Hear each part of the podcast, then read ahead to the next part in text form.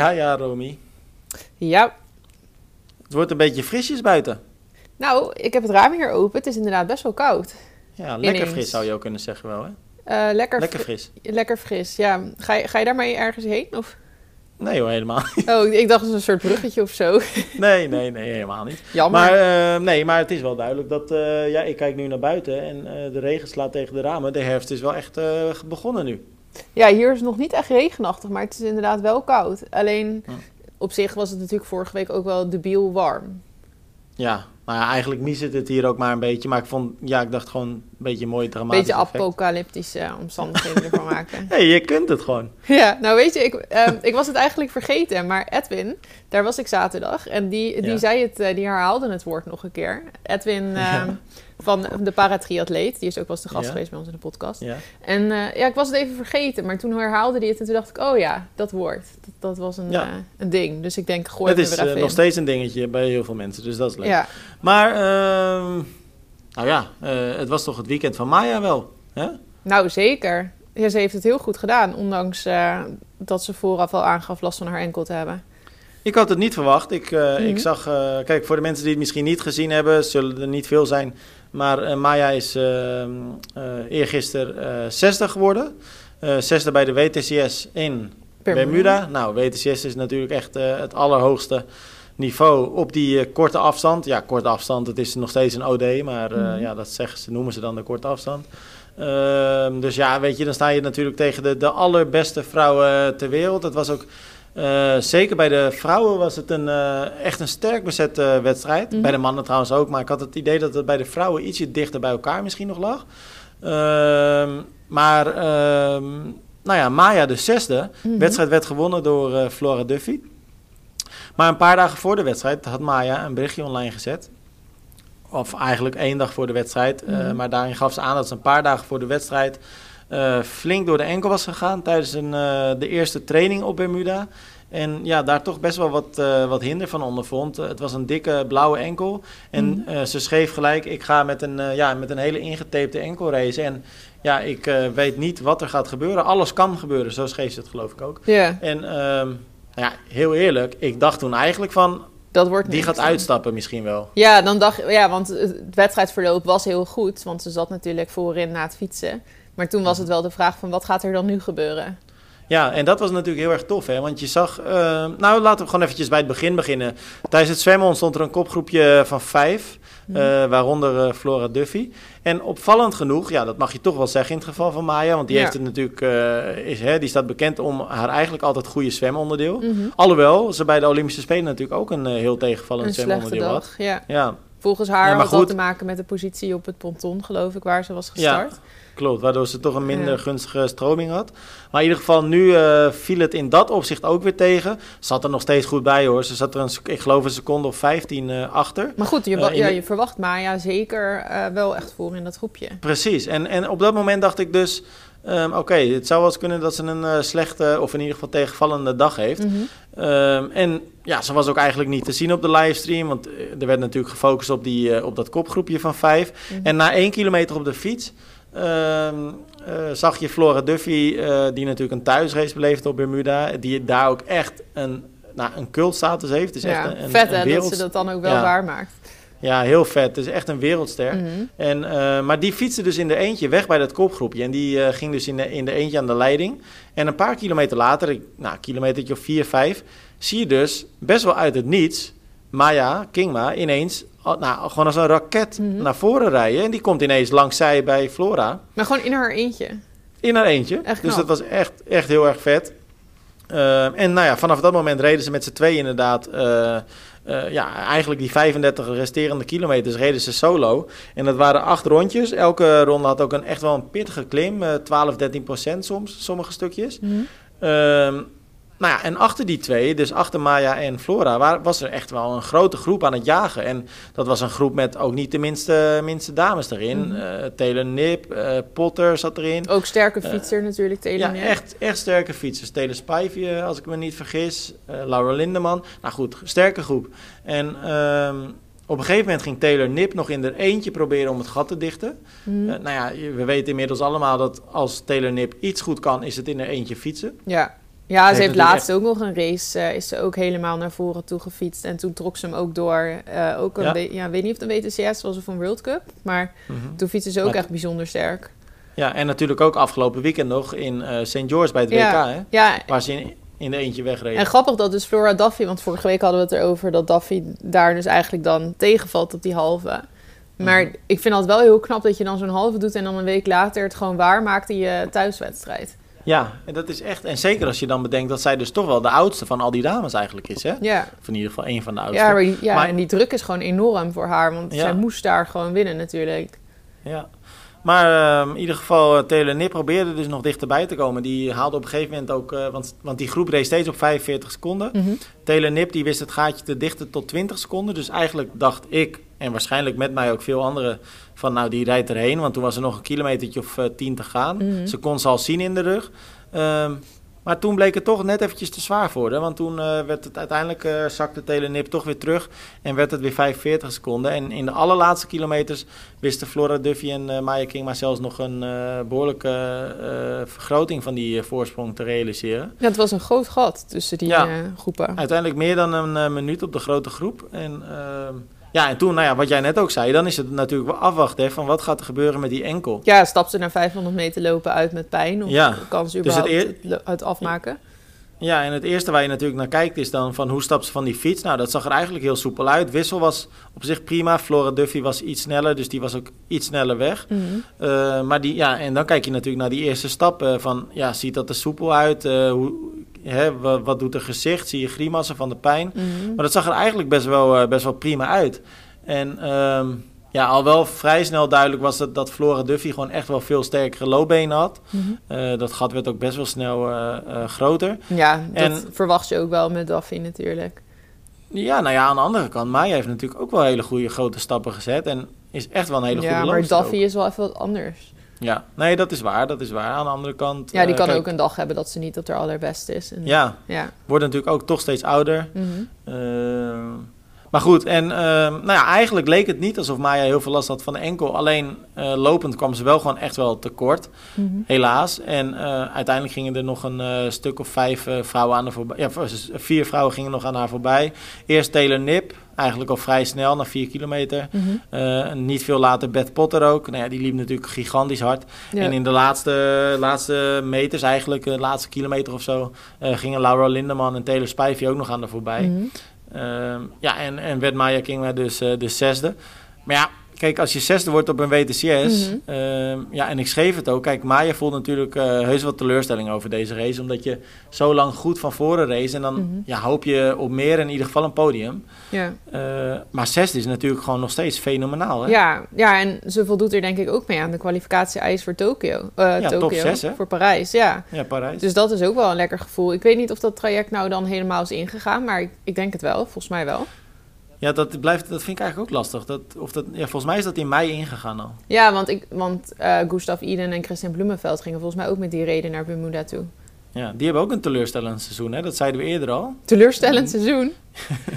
Daar maakten we toch vorige keer een grapje over. Oh, dat kan me niet meer herinneren. ik denk Wat al. was dat daar? Toen was, eh, of daar zeiden we over Gustav Inen, geloof ik, omdat hij ergens was uitgestapt. Toen zeiden we het zeer teleurstellend Oh ja, seizoen. huilend uitgestapt met WK 73. Ja, toen zei ik nog dat ik dat niet snap. Dat je gaat huilen als je dan dus al eh Ironman wereldkampioen Ja. bent geworden. Maar ehm, de ogen waren natuurlijk bij de mannenrace inderdaad op Bloemenveld gericht en, eh, en Iden. Mhm. Maar, en eigenlijk wist iedereen op voorhand een beetje zeker dat ze het wel zouden doen. Eén van die twee in ieder geval. Mhm. Maar ze werden zesde en eh, negende. Bloemenveld zesde, Mhm. Iden negende. En Ja, echt slecht. ja, nou ja, dat is het. Het is Nee. zonde van-? Nee, tuurlijk Oh. niet. Nee, tuurlijk niet. maar Bloemenveld zei wel later, eerlijk, Mm. eh, ja, dit is niet waar ik voor kom. Nee, ja, maar dat is, dat is die mentaliteit van hun. Dat is net als dat dus Gustav Iden uitstapt eh, huilend. eh, nadat hij net Kona heeft gewonnen, omdat hij dan niet zijn titel kan verdedigen op 2K 70.3. Zeg maar, zij gaan er gewoon vol voor en ze willen gewoon het allerhoogst haalbare weer. En Mm. dan zijn ze dus ook gewoon niet tevreden met deze posities. Ik vind dat wel echt Ja. heel bijzonder. Ja, nou, ik zie dat Gustav Iden, eh, die had trouwens ook nog gereageerd, dat hij het heel leuk vond om weer met die jongens terug te zijn op de short course. Ja, ik zag het. Ehm, mm, ik vraag me wel af. Mhm. in hoeverre gaan ze dit volhouden? Die combinatie lang en kort. Uh, Ja. Je ziet nu dus ook... Ja, kijk, laten we heel eerlijk zijn. Bermuda, het was nu niet per se de aller, allersterkst Ja. bezette race bij de mannen. Ehm, Vincent Louis won. Eh, echt heel tof. Hij is weer terug in vorm. Goed om te zien. Mhm. Ehm, daarachter Antonio Serrazioane, als ik het goed uitspreek, een Spanjaard. En de nummer drie Roberto Sanchez Mantecon. Mhm. En dan heb je nummer 4 en 5 Jelle Geens en Alex. Nou, dat zijn natuurlijk ook niet eh, de allerminste. Nee. Maar we hebben wel eens hele sterkere, veel sterkere velden gezien. Mhm. Ehm, nou ja, dan worden ze dus 6 en 9. Eh, wat nog steeds super goed is, maar niet wa- wat je wil als je richting die Olympische Spelen dat goud wil gaan pakken. Eh, en tuurlijk, ze hebben nog even. Maar Mhm. ik, ja, en ze hebben gewoon ook net echt een, al een heel dik programma gedraaid natuurlijk. Het is eigenlijk Ja, echt maar- bizar. maar juist daarom denk ik dat die combinatie gewoon eigenlijk niet te doen is. Ja, ik denk dat, dat als er een paar zijn die het kunnen doen, dan zijn zij het wel. Want die trainen zo achterlijk veel. Net zoals voor Kona, dat ze nog die, eh, wat was dat, 100 kilometer hadden gefietst. En volgens mij 40 Mhm. kilometer hadden gelopen in een echt Ja. bizar tempo ook. Dus ja, ik denk dat zij dat best wel goed aankunnen. Eh, Gewoon ook omdat zij altijd al zo extreem zwaar trainen en zo. Maar Mhm. ja, het is denk ik wel lastig om te zorgen dat je op de korte ook die snelheid behoudt. Maar als je ziet hoe ze nu dan meedraaien naar wat ze nu hebben geraced... dan denk ik van als ze de volgende keer eh, zich, zo volgend jaar zeg maar het nieuwe seizoen zich echt focussen op de korte afstand... en ze daar dus ook naar trainen en zorgen dat het programma wat logischer is... Mhm. dan denk ik dat ze het gewoon wel weer heel goed kunnen doen. Ja, en ik zit ondertussen even naar die runsplits te kijken. En ze zetten van het hele veld nog steeds bijna de snelste looptijd neer. Ja, dat is toch ongekend gewoon. Want Ja, we hebben het nu over, zeg maar, kijk, ze hebben Kona geraced, ze hebben St. George geraced, het WK 70.3 eh kort daarna. Dat was dan volgens mij drie weken later. Dan nu, als ik het goed heb hoor, een week later deze wedstrijd. En dan heb je dus, nu denk je dan, oh ja, dan hebben ze dus veel van die eh triathlons al gedaan. Maar ze moesten ook steeds reizen, want ze zijn dus ook van Kona naar St. George gereisd. En nu Mhm. weer door naar Bermuda. Dat, dat alleen al is super slopend. ja, ja, dat, ja, het enige voordeel is wel dat er natuurlijk alles voor hun geregeld wordt. Hè? Dus Mhm. je moet inderdaad wel reizen. Maar de randzaken worden wel allemaal voor hun uit handen genomen. Ja, en Dus ze zullen vast ook wel lekker luxe reizen, neem ik aan. Ja, Ze Ja, zullen niet ja. eh, in de economy class zitten, denk ik. Maar nee, dat denk weet. ik ook niet. Al zie ik Gustav Eden er wel voor aan om dan gewoon tussen de economy class te gaan zitten. Nou ja, er is ook helemaal niks mis mee. Maar ik denk dat ze dat puur voor het herstel niet zullen doen. nou ja, er is niks mis met economy class. Maar als je moet racen, is het wel lekker als je gewoon je benen kan bewegen natuurlijk. Nee, precies, dat bedoel ik. Voor, echt puur voor het lichamelijk herstel zullen ze dat niet doen, denk ik. Nee, nee, Hm. je zit toch een stuk minder opgepropt. Ik weet niet, ik heb nooit business class gereisd, gereisd maar ik denk dat als je dat doet, dat, het, dat je echt een stuk minder vermoeid aankomt. Ja, dat denk ik ook. Denk je ook trouwens dat eh, Barbara de Koning eh, COVID had, of niet? Eh, geen idee, want Nou, is dat wel een slechte dag. Ze werd laatste. ik hoop niet dat ze COVID had, want dan heeft nu iedereen het. ja, maar eh, slechte dag voor haar. eh, Mhm. Werd 38ste. Nou ja, laatste is eigenlijk Ah, ook ze is wel correct. gefinished, want er waren echt veel. DNF's. Ja, ik. inderdaad. Maar van de finishers was ze de laatste. Er waren inderdaad best wel wat Ja, een stuk of DNF's. acht of zo, denk ik wel. Ja, ja, en ook bij de mannen waren er best wel eh, wat, wat DNF's. Nog veel meer trouwens. ik denk ook dat dat is, omdat je, als je naar Bermuda reist, het is gewoon een hele flinke reis wel. En Ja. je gaat best kort van tevoren, dus je hebt ook vaak tijdsverschil. Al komt iedereen vanuit een andere hoek natuurlijk, maar veel mensen Mhm. zullen tijdsverschil hebben. Ik denk dat 12 dat wel DNF's bij de mannen. Dat is echt veel, ja. Ja. En eh, daar werd Donald Hillebrecht laatste. eh, althans, ook weer van de finishers dus. Ehm 41ste. Ja, wat dat betreft ehm, is het ook wel weer even een pijnlijke eh, constatering om te zien dat niet alle Nederlanders nog echt meegaan in dat hoogste niveau. Hè? Nee, ja, voor de mixed relay blijft het allemaal er niet zo goed uitzien ook. Nee. Nee, ja, dat is ook wel weer lastig vergelijken. Want dit is een OD en een mixed relay is natuurlijk echt... Ja, maar goed, qua mixed, re- mixed relay is er ook nog niet echt wat gepresteerd de afgelopen maanden natuurlijk. Nee. Is ook nog niet echt kans voor geweest, hè? Nou ja, een paar keer, maar altijd een beetje met een soort incompleet team. En er werd natuurlijk Ja. een beetje gedraaid, zeg maar. Ja. Nou, het is in ieder geval... eh, ja, nou ja, jammer dat ze, dat ze zo ver van achteren zitten. Ja, ik bedacht me trouwens ook nog dat ik zag voorbij komen op Instagram van de coach van Maya. Ik ben even zijn naam kwijt. Maar Hmm. ehm, die deelde ergens iets. ehm, dat, dat ze ook met zwemmen last gehad zou hebben van haar voet, van haar enkel. Dus misschien dat dat dan ook dus de reden is dat ze niet eh, bij de kopgroep zat. Ja, zou kunnen toch dat je een beetje die beweging, dat dat irriteert dan of zo, ja. Ja, dat snap ik best wel. Ik Huh? ben ooit aan mijn enkel geopereerd en toen was een van de eerste dingen die ik weer mocht doen, was zwemmen. En dat was, dat was echt super pijnlijk, want ik ging dus Ah, ja. borstcrawl zwemmen en ik had echt het gevoel dat mijn voet eraf viel steeds. Ja, dat is wel bizar. Dat was echt super naar gevoel. Dus ik weet niet, ik kan me zo even voorstellen dat ze... Maar goed, ze zal vast niet zo heftig gevoel hebben gehad... als ze daarna nog zo goed kan lopen wel. Nee, want laten we vooral eh, niet vergeten dat ze echt... eh, ja, het is gewoon echt een geweldige prestatie. Ja, daarom. Dus dan moet het eh, uiteindelijk ook wel enigszins mee zijn gevallen met die enkel. Want anders had ze niet nog... eh, dan was ze nog verder weggezakt dan zesde natuurlijk. Ja, ja, ja.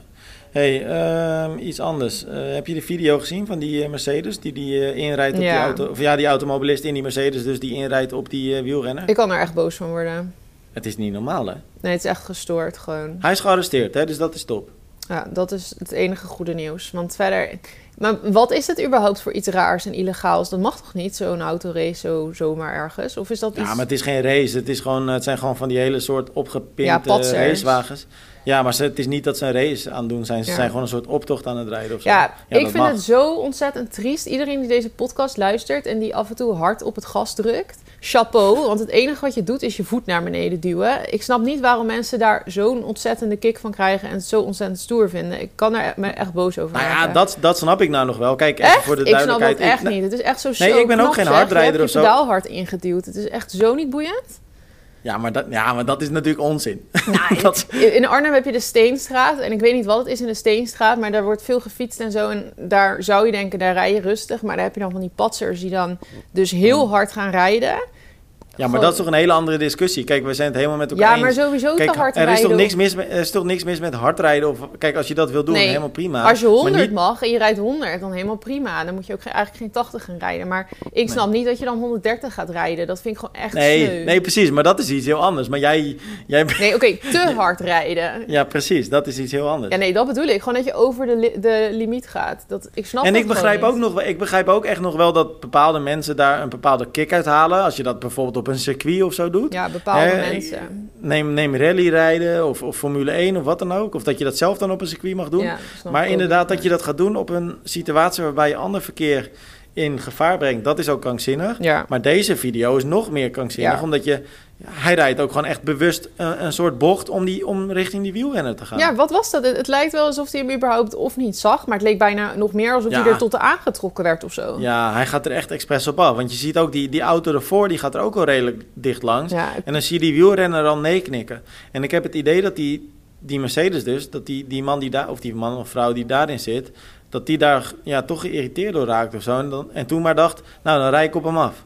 Om hem te laten schikken of zo. ja, ik weet niet. Het is in ieder geval, je bent echt een ontzettende droeftoeter gewoon als je dat doet. Ik Ja. kan daar echt niks, ja, logisch ook goeds over zeggen. Maar ik word daar gewoon echt heel boos van. Ik kan daar heel Ja, slecht tegen in het verkeer als mensen gewoon, ehm, ja... Ik heb, de ik heb toevallig namelijk de laatste tijd twee keer gehad. In de afgelopen maand ben ik twee keer bijna frontaal keihard aangereden door een automobilist die, eh, ik denk, in allebei de gevallen op zijn telefoon zat. Het was allebei Ja. de keren op een weg waar je 80 mag. En waar je gewoon twee banen hebt die langs elkaar gaan. En gewoon dat de auto gewoon echt hel- de helft, één keer eigenlijk bijna volledig. En de andere keer de helft op mijn weghelft zat. Dus dat ik echt moest toeteren en moest remmen en zo. En dat het anders gewoon niet goed was gegaan.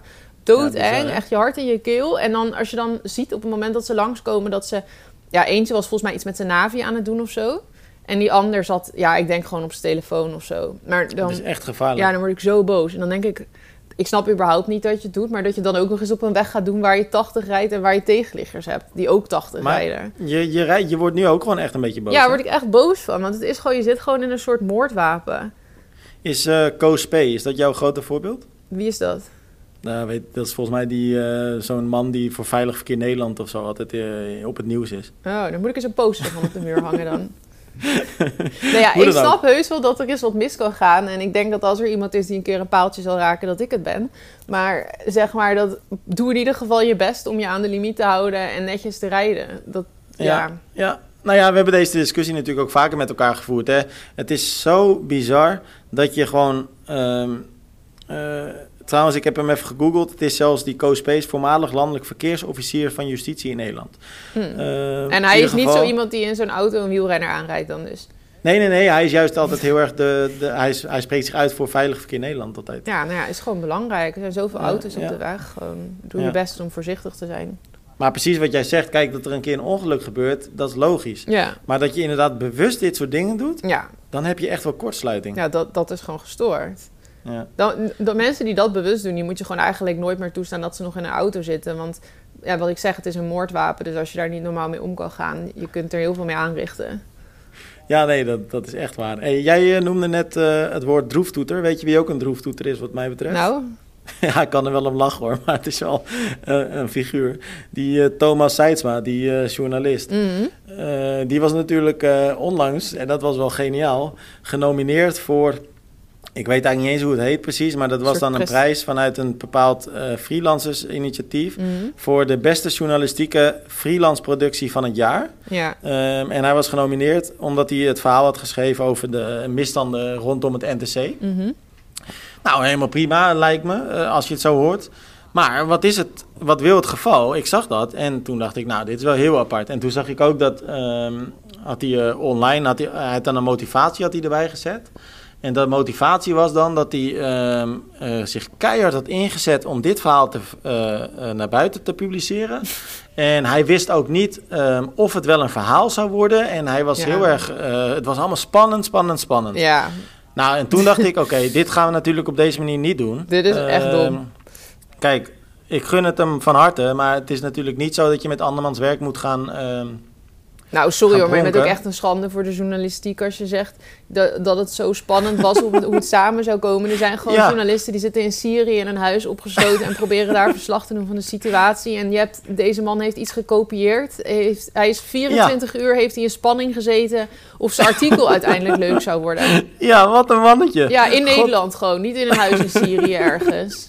Maar ik ga het toch even vanaf het begin vertellen, want anders is het natuurlijk heel. Want la- ik, ben ook totaal niet. Ja, het is waarschijnlijk erg onduidelijk, dit verhaal. Ja, kijk, wij hebben natuurlijk, en ik, weet nu de data weer uit mijn hoofd, omdat ik het, ik ben er even ingedoken. Wij hebben na twee, misschien wel drie jaar echt heel veel gesprekken. Nou, dit hoeven we allemaal niet te herhalen, dit hebben we vaak met elkaar besproken in de podcast en is ook allemaal naar buiten gebracht. Wij hebben uiteindelijk op 12 oktober eh, van 2021 hebben we eh, voor het eerst het verhaal gebracht dat er heel veel misstanden rondom het NTC waren. Hè? Mhm. hebben we verschillende atleten anoniem aan het woord gelaten, omdat die atleten op dat moment, er was natuurlijk nog helemaal niks naar buiten gebracht. De bond was er nog niet openlijk mee bezig, dus alles was nieuw. Dus al die atleten waren in die fase nog gigantisch bang voor de eh represailles van de bond eventueel en voor de gevolgen die dat zou kunnen Nou, en hebben. wij ook, hè, want wij waren ontzettend bang van, wordt het wel een goed artikel en doen we dit niet voor niks?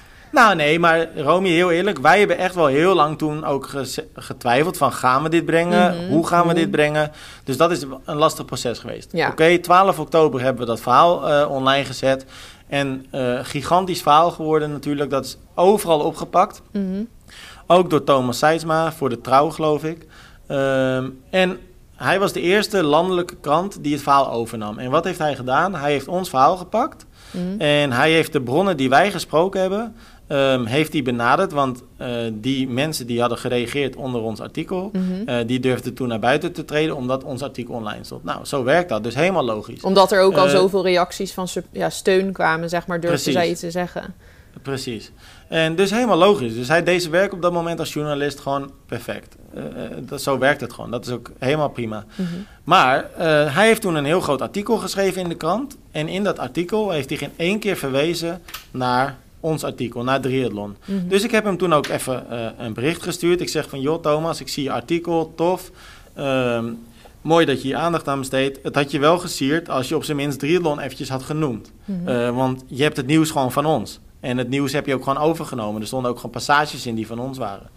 En ehm, althans wel in eigen woorden, maar hè, wel overgenomen. ja, wel onze feitjes, Ja. zeg maar. En nou, toen kwam hij met een heel vaag verhaal. En dan had hij het erover dat zijn eindredacteur de bron eruit had gehaald. Nou, ik heb ook bij verschillende grote kranten gewerkt. En er is nog geen één eindredacteur geweest die ooit een bron uit een verhaal gaat halen. Nee, want- eerder een DT-fout of zo. ja, maar als ze iets doen, is het. Als ze iets nou juist wel doen, is het vragen waar het vandaan komt en dat ook benoemen. Want bronvermelding is zo'n beetje de, de slagader van de, van de journalistiek. Hoe dan ook, ik bleef daarop doorhaken. Ik zei toen tegen hem, nou prima, ik, vind- ik vind het wel een beetje opmerkelijk, maar eh, als jij het zo wil doen, helemaal goed. En toen, heeft hij ook, toen bood hij ook nog zijn excuus aan en toen zei hij, ja, je hebt gelijk en ehm, het was niet netjes en ik ga de bron nog toevoegen. Heeft hij natuurlijk nooit gedaan, want je kunt het nooit toevoegen in de krant. En toen zei hij, ik ga het dan online toevoegen. Nou, heb ik ook nog nooit gezien. En toen heb ik het gelaten voor wat het is, omdat ik ook geen zin had om er verder aandacht aan te besteden. En toen dacht ik, je bekijkt het maar. Ik, vind het, ik vond het al mooi genoeg dat ons verhaal zo groot werd opgepakt. Ehm, maar ja, toen zag ik dus dat hij ineens werd genomineerd hiervoor. Mhm. En toen dacht ik ook bij mezelf, ja, dat is, dat is gewoon echt niet oké. Als hij dit gaat winnen op basis van ons werk. Eerlijk, hè, ik vraag me af wat hij heeft gedacht ook dat hij genomineerd werd. Want misschien dat hij ook wel een beetje een raar gevoel eraan overhield. Maar hij kon op dat moment natuurlijk ook niet zeggen van ja, uh, eigenlijk kan ik deze eer niet. Uh, of ja, had nou, hij wel hij is gewoon, doen, Hij is gewoon een egocentrist. Want dan kun je toch ook gewoon. Hij had, hij had maar één keer hoeven te noemen dat hij ons werk had overgenomen. Mhm. En wel een eigen verhaal ervan. Ja, maar op het moment dat hij die prijs kreeg, was het natuurlijk super gênant voor hem om nu toch nog te gaan zeggen van... Ja, maar hij heeft de prijs niet gekregen. Nee, maar dat hij werd genomineerd. Ik vraag me dus af, als ik hem was en ik had dat gedaan... dan zou ik er niet blij mee zijn geweest dat, ik, dat het in één keer extra aandacht kreeg nu. Nee, nou, maar en wat ik, ik, ik zag het dus, en ik zag het, uh, het werd op Twitter gedeeld ook door, dat, uh, onders, ja, door, dat, door die organisatie. En um, toen stond er zoiets van Thomas Seisma bracht het verhaal van de misstanden aan het licht of zo. Mhm. Dus toen heb ik uh, daarop gereageerd van uh, dat was niet Thomas Seisma, dat was Triathlon. Uh, met een linkje naar het artikel. Thomas Seisma heeft dit slechts overgenomen. En nou, toen kreeg ik inderdaad ook heb ik contact gehad met de organisatie. En toen heb ik uitgelegd hoe het zit. En mhm. nou, ze waren daar ook op zijn zachtst gezegd verbaasd over. Ehm, en uh, hebben ook gezegd van, nou, dit nemen we zeker mee in onze uiteindelijke beslissing wie er gaat winnen. Want dit was bij de nominatie en dan een week later, uh, afgelopen vrijdag, zou dan de uh, prijsuitreiking zijn. Mhm. Nou ja, en godzijdank heeft hij ook niet gewonnen. Hij heeft ook niet bij de top drie, of de eerste drie kregen dan een soort prijs. En de rest van alle genomineerden kregen dan een, een, ja, een erkenningsoorkonde. Nou, die kreeg hij dan wel. Nou, dat is logisch, want dat kregen gewoon alle deelnemers. Hij was er zelf erg blij mee, geloof ik. Hij plaatsen hem op Twitter alsof hij uh, een, een, kind zo blij als met een vaantje, zeg maar.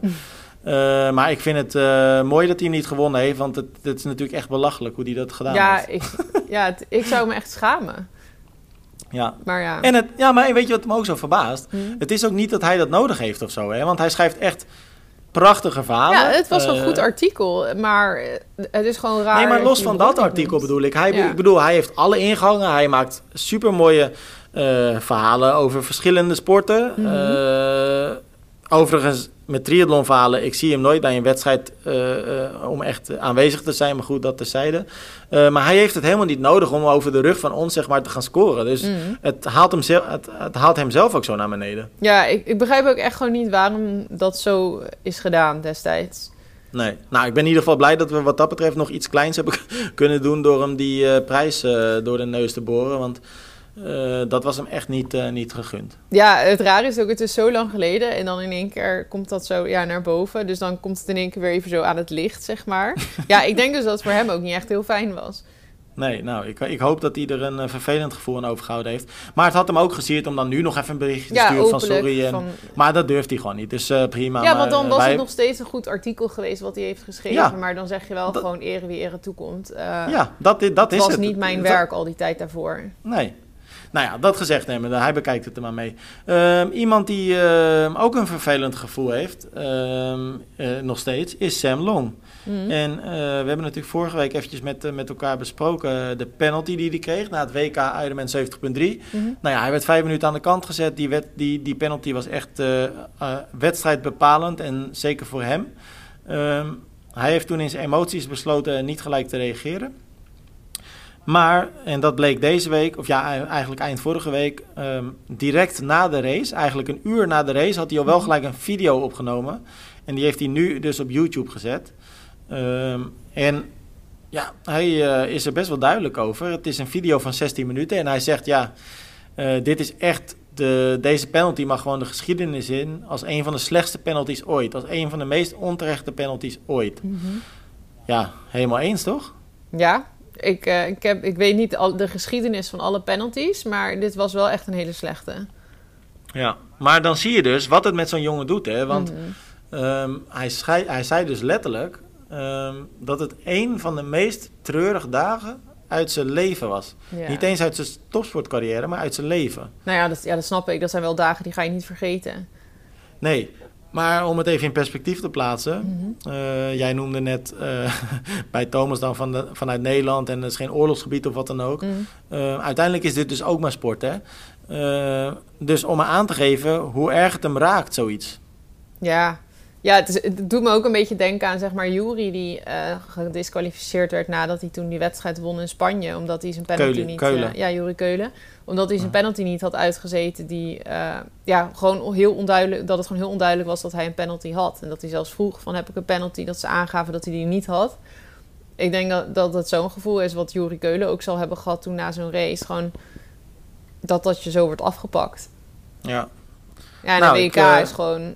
Het is ook niet zomaar een race. Het is wel... Ja, en, en Sam Long, het is voor hem ook het hoofd-WK... want hij doet de halve afstand alleen maar. Mhm. Dus voor hem was het gewoon de belangrijkste race van het jaar. ja. Nou, volgens mij hoeven we er ook niet per se nu heel lang over te praten, want we hebben dit natuurlijk vorige week Nee, we met can elkaar keep uh, besproken. Sam Long short. ja, dat kan inderdaad. Maar ik wil wel even zeggen van, mochten mensen misschien die video nog niet gezien hebben, ga het zeker even checken. Want het is best wel een interessant kijkje ook in zijn gedachtegang. En hij gaat ook in op de situatie dat hij dan in die penaltybox stond en Hm. ehm, er gelijk een livestreamcamera op hem afkwam. En ze vroegen aan hem of hij een Instagram live wilde doen. Ehm, en hij zei, ja, ik kon alleen maar schelden, joh. En Ja. ik heb gedacht aan uitstappen en... ehm, Ja, je, bent gewoon even, je hebt gewoon even een moment nodig. Gelukkig heb je dan dus vijf minuten. Om helemaal te resetten. om zeg Ja. maar eerst, eerst boos te worden. Vervolgens te accepteren wat er is gebeurd. En dan je schouders er weer onder te zetten, zeg maar. En door te gaan. Dat, dat, dat is gewoon zo. Je gaat allemaal emoties door in die vijf minuten. En dan Ja. na vijf minuten ga je hopelijk gebrand weg. Om er nog wat van te gaan maken. Ja. Nou, ehm, één ding wil ik nog met je bespreken. En dat vond ik ook natuurlijk eh, wel groot nieuws. Ehm, afgelopen week. Mhm. Ehm, dat was natuurlijk het begin van de nieuwe algemeen directeur bij de NTB, Ja. Torwald Venenberg.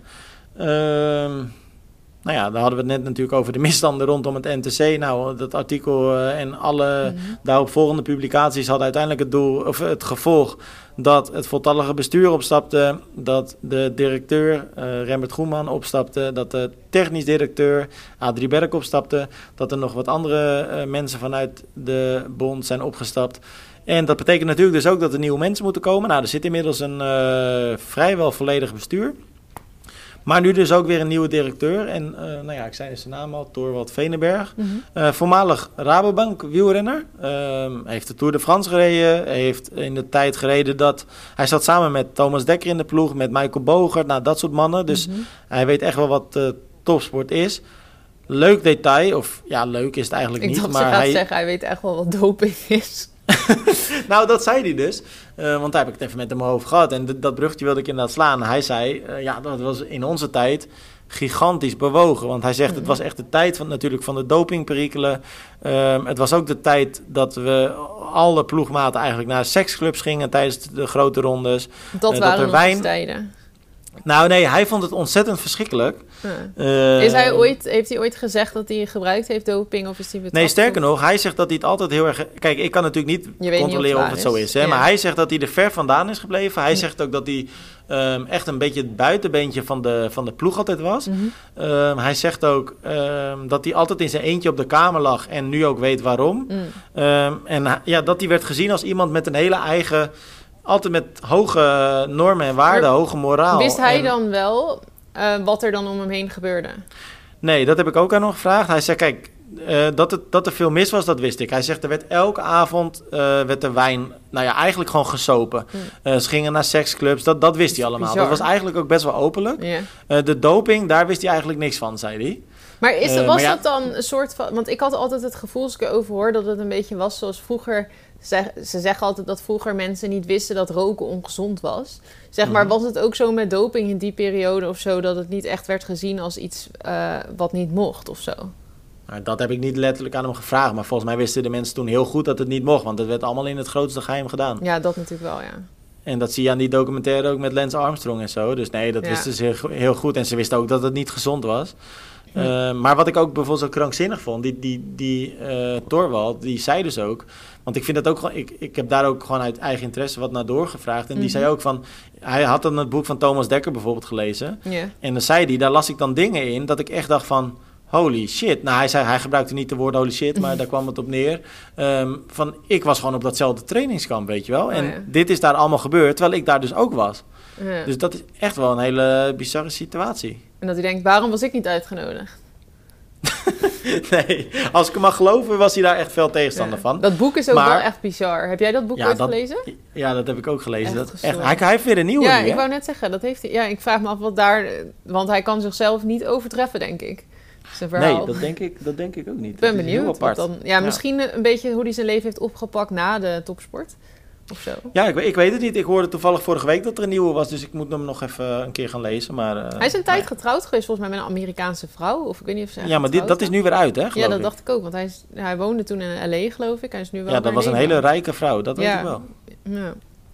Maar in ieder geval, ehm, en dat is een bruggetje naar de triathlonwereld ehm, snel geslagen. Want nou, hij heeft dus al die misstanden gezien, Torwald. En ehm, hij zei dat hij toen al het idee had van... ik wil heel graag de topsport eigenlijk beter maken, vooruit helpen.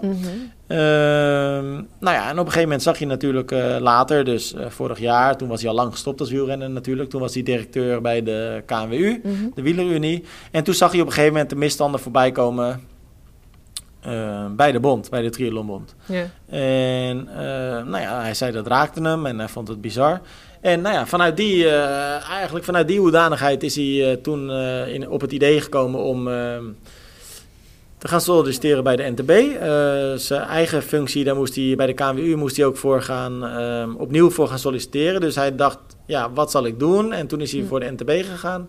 Nou ja, en daar eh, is hij nu dus begonnen. En wat ik mooi vind, kijk, ik heb hem eh, best wel uitgebreid gesproken, lang gesprek. Mhm. Ehm, ik vind het een. En dat zegt natuurlijk helemaal niks, hè? dus hang er vooral geen waardeoordeel aan. Maar hij komt ontzettend aardig over, hij komt Mhm. vriendelijk over. ja, want dat vond veel ik met be- Rembert ook altijd. Ja, nee, absoluut, 100%. Maar wat ik bij Rembert niet vond en bij Torwald nu wel. Mhm. Maar goed, ook dat is natuurlijk heel lastig te zeggen na één gesprek. Maar hij komt ontzettend open over ehm, en ook wel oprecht. Ja. En hij geeft heel erg aan van ik ben van communicatie. Ik wil ook eigenlijk de komende maanden gaan gebruiken om alles rond de bond heel erg open en transparant te gaan maken. Mhm. Zodat iedereen eigenlijk zicht heeft op wat er gebeurt. Ehm, en dat geldt voor leden, dat geldt voor organisaties, maar dat geldt zeker ook voor journalistiek. Hij zegt, of voor journalisten, want hij zegt de journalistiek, onafhankelijke journalistiek, dat is van onmiskenbare waarde. Mhm. Nou, ik, ik ben het daar hartstochtelijk mee eens. Mhm. Ehm, dus, dus wat dat betreft, denk ik dat dit best wel eens een hele goede man kan zijn voor deze functie. Aan de andere kant, tegelijkertijd zegt hij ook, en, maar dat vind ik ook wel goed van hem. Hij zegt ook, ja, makkelijk gaat dit niet worden, want ehm, er moet gewoon een cultuuromslag gaan plaatsvinden bij de bond eh, en bij ons. Nou ja, dat is inderdaad Ehm, wel iets lastigs. En dat is gewoon heel lastig. Mhm. En hij zegt, als het makkelijk was geweest, dan was het al lang gebeurd. En zeker als je daar nieuw in zo'n bedrijf komt, je moet dat ook gaan aanvoelen en zo. En Ja, ja, dat is wel lastig, iets, iets, ja, iets lastigs om om te gooien. Maar het scheelt wel Nou ja, dat er heel dat- veel nieuwe mensen op eh, al die oude posities komen die nu niet meer eh, ingevuld zijn. Eh, ja, maar op het bondsbureau zijn natuurlijk wel in principe grotendeels dezelfde mensen. Ja, maar vooral de hogere functies, zeg maar, komen wel Ja. echt nieuwe mensen. Ja.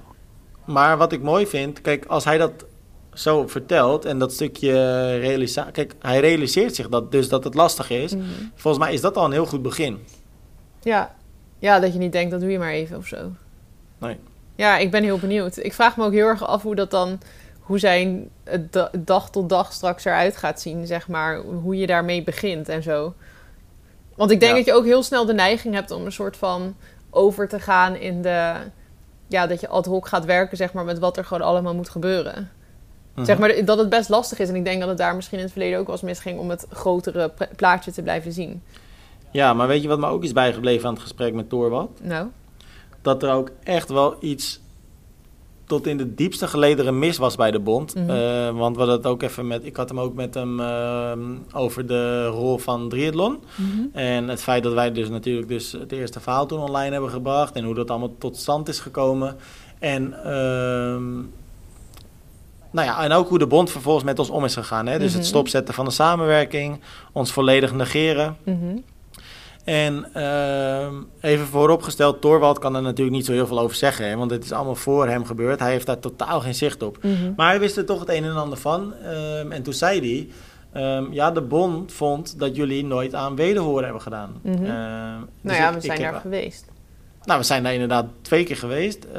Ik heb, of ik, wij hebben na ieder artikel, eh, of eigenlijk voordat we ieder artikel, en dat zijn er uiteindelijk heel wat geweest, uh, voordat we ieder artikel gepubliceerd hebben, contact opgenomen. Was het niet met Rembert, dan wel met Adrie of mhm. communicatieadviseur Martijn. En gevraagd, uh, Martijn Keizers, en gevraagd om een reactie. En nou, 9 van de 10 keer kregen we gewoon helemaal geen respons. En uh, de andere keer uh, kregen we wel respons, maar eigenlijk geen reactie op wat we vroegen. Mm -hmm. dus nou, dat heb ik verteld. En toen zei hij, ja, maar um, ze vonden jullie eigenlijk wat. Ze vonden jullie schrijfstijl niet helemaal passend. Mm -hmm. Nou, dus ik zei, maar wat bedoel je dan precies? Want volgens mij vonden, heeft het niks met de schrijfstijl te maken. Volgens mij waren ze gewoon huiverig voor de gevolgen die de, onze artikels zouden hebben voor hun posities. Mhm. Nou ja, weet je, en daar kon Torwald natuurlijk niet zo heel veel over zeggen. Maar wat wel doorcijpelde, was dat er op de bon nog steeds een idee was dat triathlon eigenlijk de veroorzaker was. Maar dat is echt niet best als dat nog steeds zo is. Dat je nog steeds. Nee, nou, dat was toen. Hè? Nee, dat was bij de mensen van toen. Hè? Ja, maar hij heeft dat dus al wel een beetje meegekregen. Dus dat is wel best wel. Ja, dat is dus waarschijnlijk in de dat is waarschijnlijk in de overdracht dus gebeurd. Ik vind dat, dat is heel erg shoot the messenger, zeg maar, wat er dan gebeurt. Ja, maar alle respect voor Torvald, want hij zei, en dat zei hij op de man af, en dat kan ik heel erg waarderen. Hij zei, kijk, ehm, ik kan er natuurlijk niet zo heel veel verder over zeggen. Ik ben er ook niet bij geweest. Ehm, maar wat we gaan doen, we beginnen gewoon met een schone lei. En mhm. eh, we weten elkaar nu te vinden. En wat mij betreft helemaal prima. Mhm. Nou, ik ben het er helemaal mee eens. Wat ik nog wel uh, leuk vond... Ehm, want ons werd dan dus blijkbaar verweten door, het vorige, uh, nou ja, door de vorige mensen van dat we allemaal onjuistheden hadden opgeschreven en zo.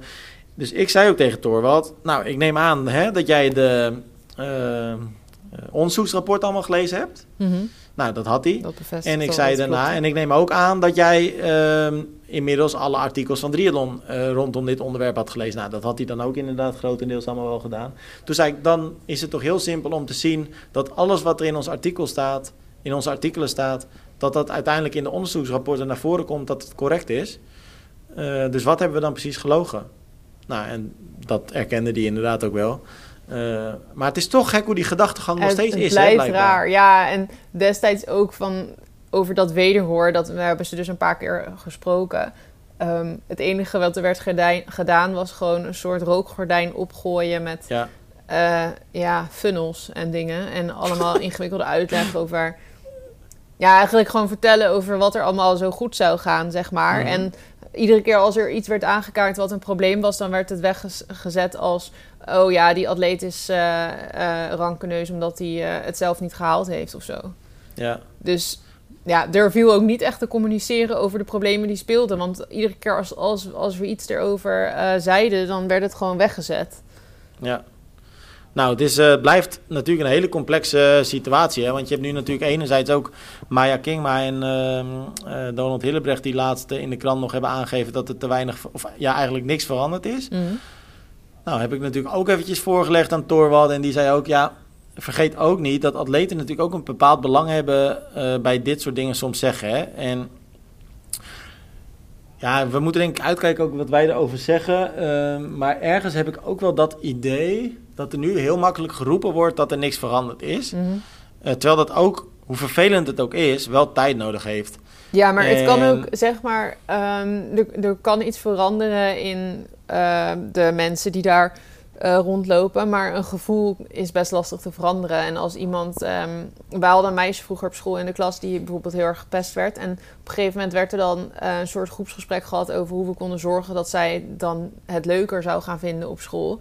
En waarschijnlijk was het gevolg dat uh, we wel aardiger tegen haar gingen doen. Zeg maar, dat we haar meer mhm. -huh. gingen betrekken. Maar voor haar veranderde het gevoel natuurlijk ook niet zomaar. Want daarvoor, ja dan, dan, dan, is het heel gemaakt. Ja, dat, dat voelt dan nog niet goed, zeg maar. Dus zo, zoiets verander je denk ik ook niet zomaar. Dus waarschijnlijk voor die atleten die het altijd als heel naar hebben ervaren bij de bond... is dat niet in één keer weg of zo. Nee, maar het is wat ik ook een beetje denk van... Uh, atleten moeten misschien ook gewoon wel eventjes nog een beetje naar zichzelf kijken of zo, hè? Mm. Want het, kijk, afspraken zijn natuurlijk niet van één kant of zo, hè? Je, je hebt daar zelf ook een bepaalde rol in.